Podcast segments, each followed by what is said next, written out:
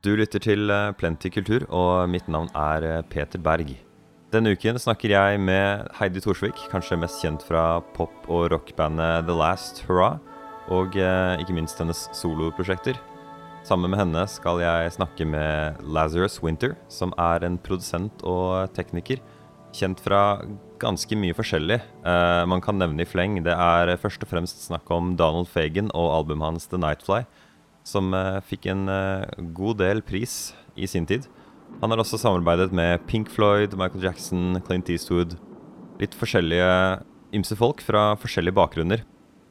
Sammen har eh, Heidi og Lazarus prøvd å fange litt av den sjela som ligger i fjordene våre, opp gjennom historien. Plata deres består av fire låter, og du tenker kanskje at det er en litt kort plate, men det er altså mellom 15 og 20 minutter lange låter omtrent. Du skal eh, nå få høre et klipp av eh, låt nummer eh, tre av fire, som heter 'Shining Darkness' og handler om en tid litt før vår egen, før vi setter i gang med intervjuet. Bare så du er forberedt på det, intervjuet er på engelsk ettersom Lazarus ikke snakker norsk.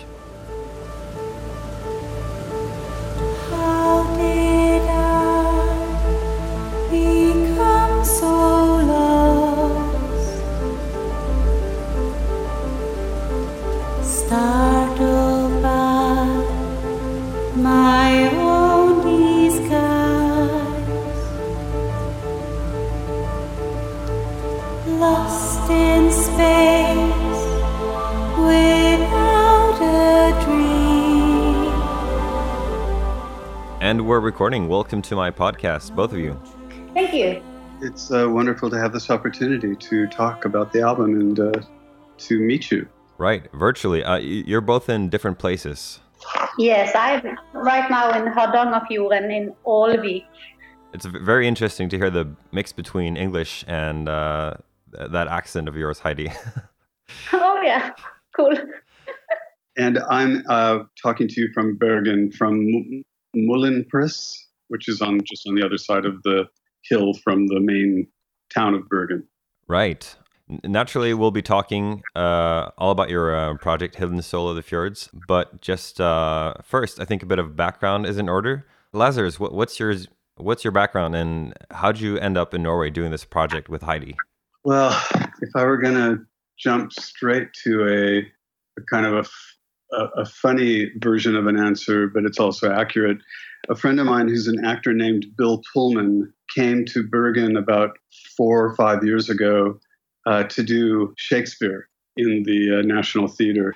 And uh, afterwards, he and I talked. And during his time here, uh, he had met Heidi, and, and uh, Heidi had also met Bill Pullman's children, who are all music, musicians and songwriters. And uh, because of the course of that connection, Heidi got to know about me from Bill's children and eventually wrote to ask if I could help her with a project she was working on in Norway. Uh, we just we finally met. She came to Los Angeles to do an album, her last solo album, and I played uh, different things on that album. I did some ambient work. I did some funky acoustic piano, like saloon piano, and also some blues harmonica. And over the course of time, we just became very close. And uh, she invited me to come to Norway, and that led to the beginning of the Hidden Soul of the Fjords album. About yourself, like um, on a personal level, or rather professional earlier, you've been working with uh, quite a few big names, I found. I've had the good fortune to work with some extremely talented people and to uh, to have the great opportunities to become their friends and also work closely with them on their own visions and uh, to learn from them quite a bit. So I started working just out of high school in a recording studio in Hollywood as a go what's called a gopher. That's where you're just the runner. You're bringing tea to the band or you're getting a piece of equipment they want or their sandwiches and things like that. Uh, eventually i was able to become what's called an assistant engineer or a second engineer that led to me being put on an album project with um, Donald Fagen. And I went from the assistant engineer to being brought from Los Angeles to New York City to become the primary engineer of an album called The Nightfly. And so it was a really fast experience. I went from basically assisting to becoming the principal record engineer working on that album.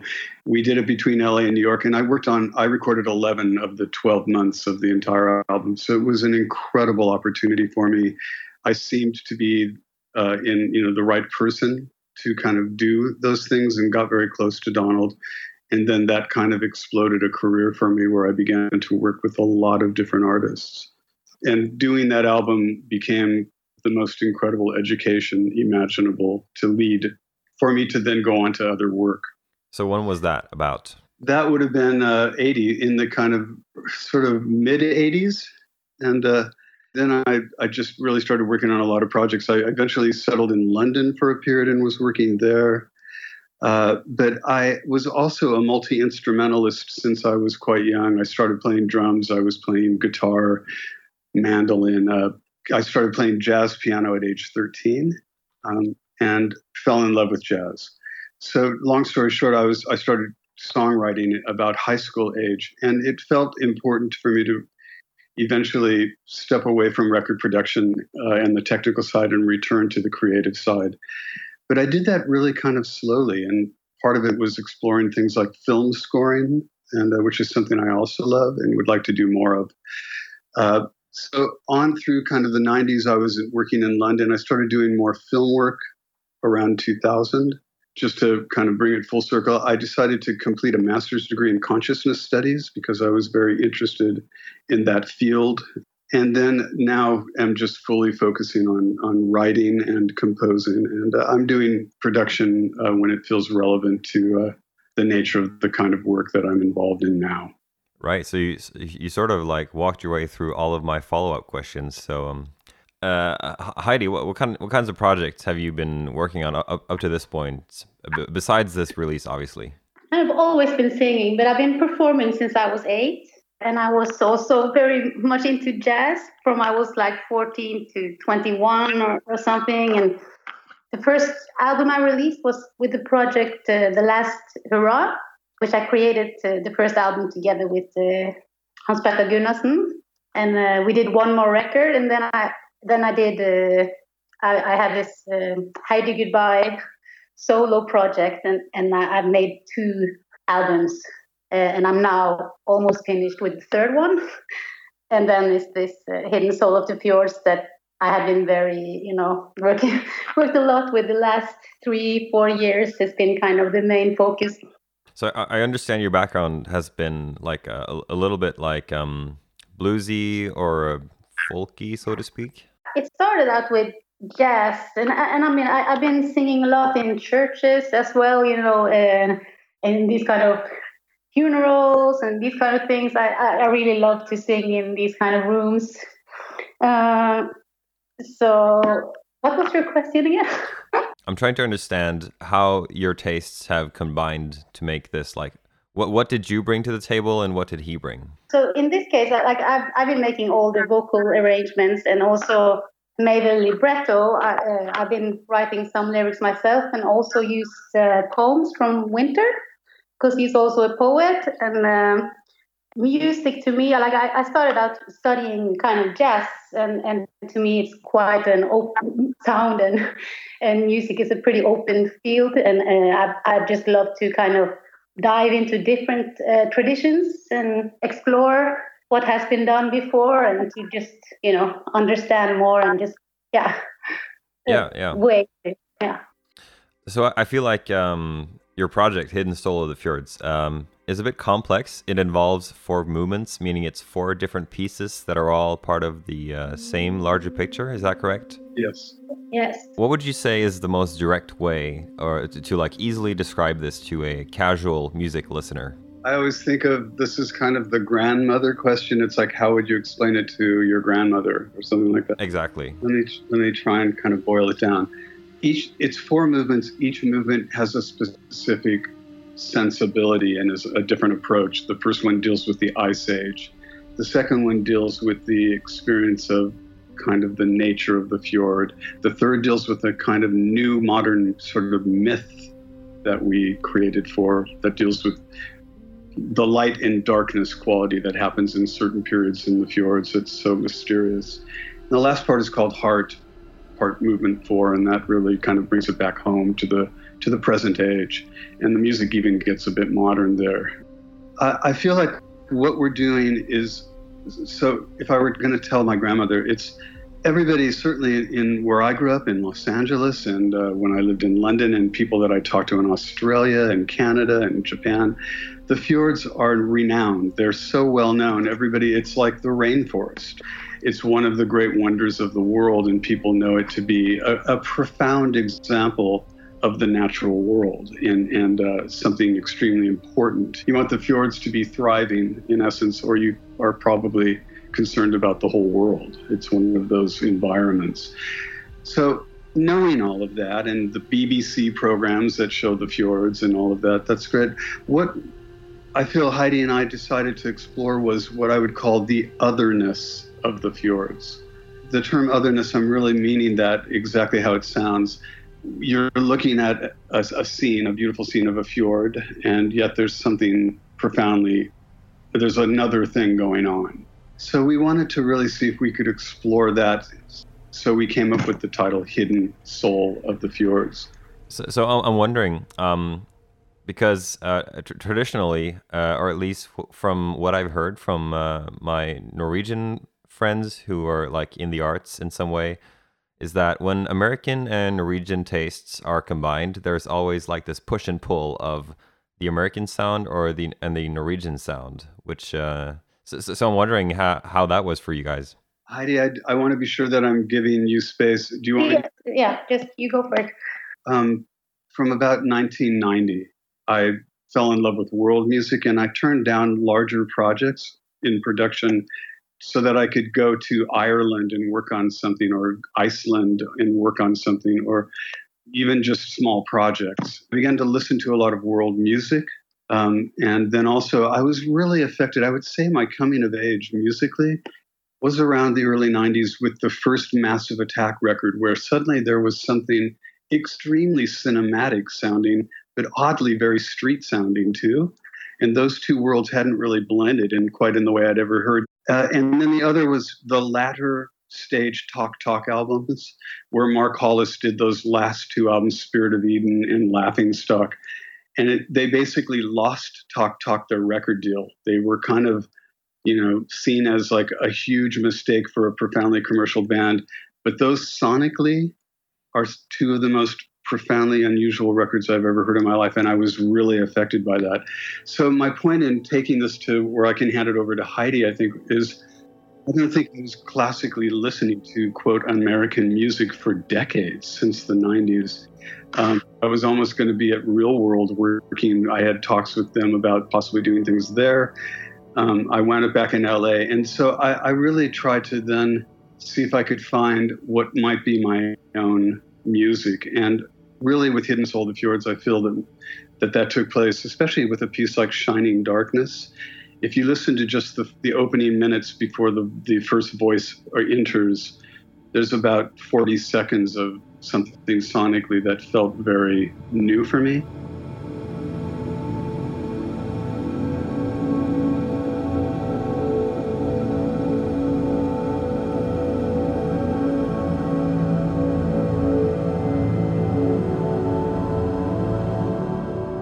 So I don't know if that's American or Norwegian. It just felt like it was an honest otherness sonic exploration. And that kind of helps.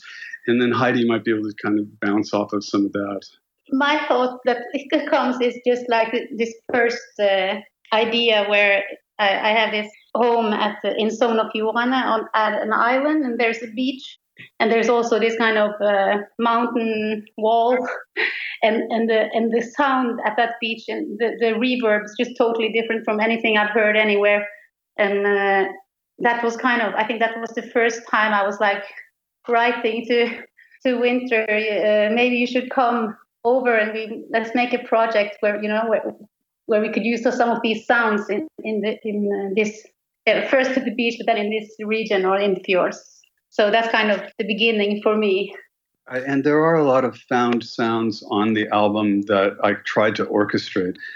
And they're really diverse. I mean, there's probably 17 waterfalls, you know, and sometimes blends of some of those. And uh, there was one place where I was in a valley somebody took me to that's just below where you can see the glacier, which is the largest glacier in northwestern Europe or something. And uh, uh, and there were nine waterfalls. So I literally had my sound recorder and I just put it on top of my head and, and did circles. I just spun in circles because there were I was in the middle of nine waterfalls. And there's a lot of everything from just a fish jumping out of the water and that little sound of plunk that the water makes when the fish does that to uh, bird calls and things like that. There's a lot of that going on. And also, from about the 90s when I became interested in kind of ambient music more and uh, uh, world music, I started having friends from different parts of the world sending me recordings. Like one would be uh, he was a guy outside of Melbourne, Australia, sent me a tape of a there was a carnival going on, and you could hear kind of carnival music, but it was from miles away. And people just knew I loved things like this and tried to marry them to music I was composing. So I was kind of receiving things like that. The the only thing that I didn't get that I regret for the album and I had a recorder kind of at ready all the time in the old wooden house when we were living in the Vevering area in Sonnefjorden was an avalanche across the water. First of all, I couldn't even identify what it was. It was really spooky and haunting. Then I realized what it was, raced for the recording machine, but it was too late. But I would have loved to have actually been able to have a bit of an avalanche sound on the album too. I'll just correct something. This was in Vevring in uh, Førdefjorden, where we kind of started the project and started the composing and everything. I actually feel like the the things that are um, the most interesting to me in the first three movements are, are definitely the sounds that I sometimes can, sometimes cannot identify. I can't remember which movement, but there's one where I definitely think I can hear uh, the whirring of a motorboat.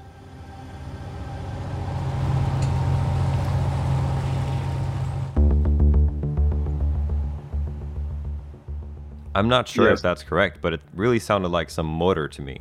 Yes. Well, and Heidi, for people who don't know the album yet and hopefully might explore it, um, Heidi does, uh, you know, pretty much as much as 500 voices. She, whole choirs are all Heidi. Heidi's singing everything.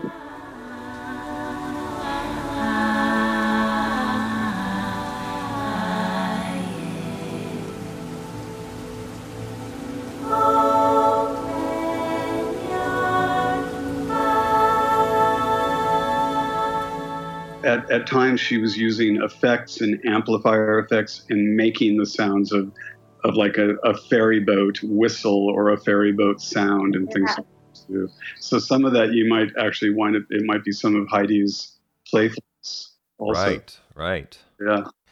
so I, I can definitely both identify something I'd call a Norwegian sound and something I'd call American. Okay. So the the first three movements to me are kind of American in their production. Like there's all these huge sounds and huge like reverbs, but there's also like the um, sort of restrained vocal arrangement from Heidi. Uh, yeah. Which I feel like is is a, a, a neat combination. It's like a yin yang of sorts. Ah, oh, that's really. Oh. I love that. Wow. So I, I actually had a question for Heidi. Um, there is some Sami language sung in some places. Am I correct? What did you say? Some Sami Samisk.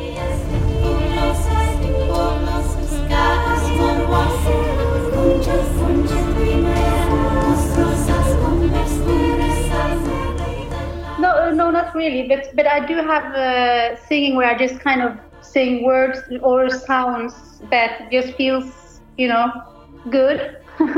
oh right, so it's like Im- improvised, uh, just yeah, sounds. Just improvised sound sounds, yes. So I do have that as well. I do kind of play around with uh, kind of something that might sound like something, but it isn't. You know, like it's. I don't even know myself quite what it is, but it sounds good. yeah. So I, I also wondered, did you consider putting Norwegian words into this, like clear? Because there's there's English lyrics all over, and I was wondering, like, there, this is about the fjords, so where's the Norwegian language? Yes, this would be something that we want to kind of share with the world. And I guess there's many, many projects in Norwegian with Norwegian text that ex- that kind of expresses the Norwegian-ness of the fjords. You know, so, so one of the things is to kind of bring it out to the world, and then English is kind of a good language to do it in. And of course, I, I, I know English as well as Norwegian, but I did consider doing one Norwegian song, but chose another song actually in the end. I was really interested in uh, in the fourth movement because it, it's just so sonically different from from all the other ones, and I was wondering how how the approach is different. Like how how did it look like the process? How, how did it differ from the earlier movements?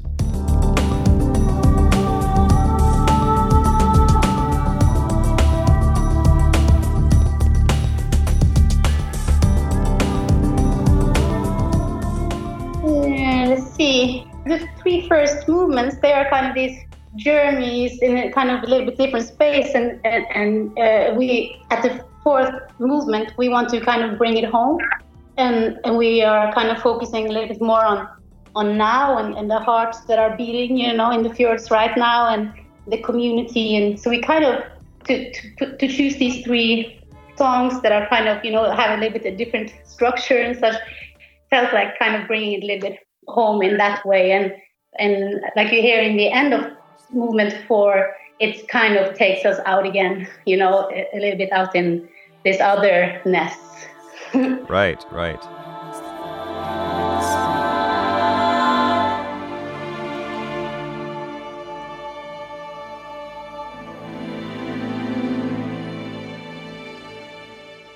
This friend of mine, he said that progressive music or progressive rock specifically has sounded very similar since like the 70s. Like it hasn't really changed much. And I feel like the fourth movement really sounds like what uh, someone might imagine a modern version of progressive, like playful music from the 70s could sound like. Ah, that's really a, again, I, my hat's off to you. That's a, an interesting thing to say. And I kind of like that. In in kind of addressing this a little bit, the first three movements really kind of were wholly conceptualized, and I created that music. I play everything virtually, uh, with the exception of the soloists that that are on the album, the brilliant Norwegian musicians who added their incredible art to everything. Um, but I was creating sort of 17 minute long pieces from beginning to end.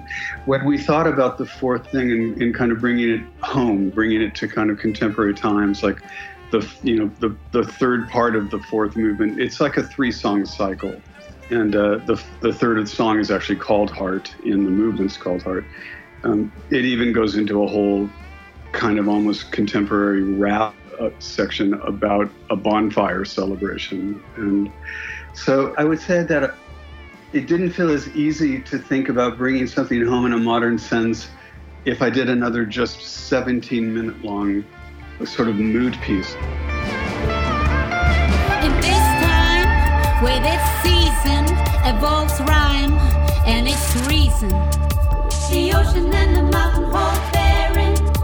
The crow cries out to the heron. Nature's. But certainly the attempt was what if we bring it into what if we can tie three songs together then there was the potential that one of those might even fit the radio uh, which would just be part of the contemporariness of part four in essence to kind of of the modern world in in a sense too um, it wasn't the idea that let's have a single but it was like they could be used that way where the other movements you kind of take a section it's not quite as simple to do that you know but if you're taking movement four with its three songs it's simpler to kind of say here's this groovy second track from movement four?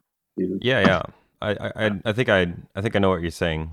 Um yeah so and the 70s part I, is it because of do you get 70s from something sonically about it or is it 70s literally in the composing style of all three of those songs? Uh, Specifically, I was listening to uh, some 70s stuff from uh, from Yes, the band. Okay. Uh, the other day, and they just like to combine these different sounds that sort of like they wouldn't fit together if they were in the same part of the song. It, it just has this really 70s soundscape of a playful, progressive song that kind of didn't evolve, and then it suddenly turned into like progressive metal and we didn't get the, the, the like the more restrained or refined like what if you made a, a truly well-made progressive pop song And that's kind of what I'm hearing the fourth movement as. Uh, that's really, I, it's always so great to talk to people about the album because there's things that I get to learn that I I can't see. I'm too close to it, obviously, to kind of maybe even have the perspective. But that's a really fascinating comment from you. I, I enjoy that. yeah. In conclusion, because uh, we're running a bit long here, but I, I just have to ask what seems like the most logical question t- to me, because you guys have been working on this for quite a few years, and it's finally done. And I'm really curious as to what's hap- what's going to happen now. Yeah, it's also a transmedia project, and and uh, we we want to to make a film for each movement. So right, we right. are. Uh, yeah, so, and, the, and this is also where we want to collaborate with different, you know, art artists in in different uh, what do you call it, art genres. Yeah, yeah. Don't know. So and and we just looked, and we also have these diaries, and we we just look to to let it be like a project that breathes and will continue to do so, and to continue to, to you know to sh- to show new sides of uh, the concept, kind of. Yeah. Yeah, yeah. That's- yeah.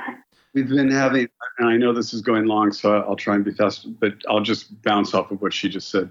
So we've been having meetings like we're thinking movement one, which deals with the, it's the end of the ice age. It's the start of the Holocene era, 13,000 years ago.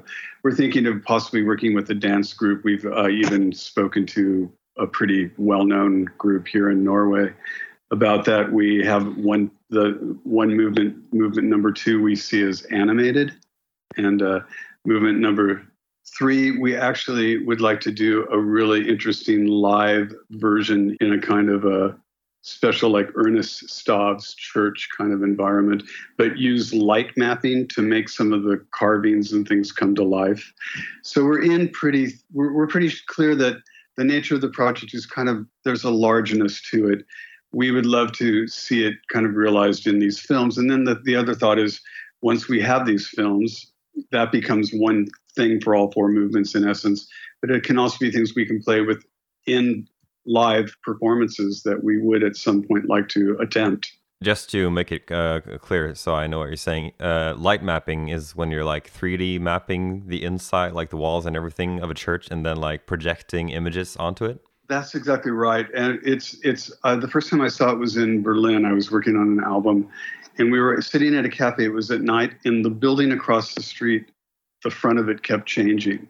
It literally was a different building, and then it was another building, and then it was another building. They were doing some really sophisticated light mapping to that building, so they were able to change the look of the physical reality that you were seeing, and uh, it's pretty effective what they can do now. And if you imagine in a let's say a church like Urnes Stav's that has that was really when early Christianity was trying to kind of appease the end of the Viking era. So they were trying to make sort of a church that also integrated Viking things, right? Viking uh, myth and all of that. So there's a lot of dragons in that church, and there's snakes and carvings of things like that. And the idea would be that we would do Shining Darkness with a really beautiful performance inside that space, lit really well, but also have those dragons and snakes moving and things like that. So, Shining Darkness being the third movement, just to make it clear for our, our listeners here. That's right. I really have to thank you for uh, taking the time uh, to do this. I'm going to have fun putting all the music in the background of this after. So, Yeah, thank you. It, I enjoyed the conversation. Vi gjør denne podkasten hver uke, stort sett eh, på norsk. Du finner oss enkelt eh, der det er du finner podcaster, f.eks. Spotify eller Apple Podcasts. Du søker eh, ganske enkelt på Plenty kultur, PLNTY kultur. Vi setter også pris på dersom du har mulighet til å rate oss på podkastappen du bruker.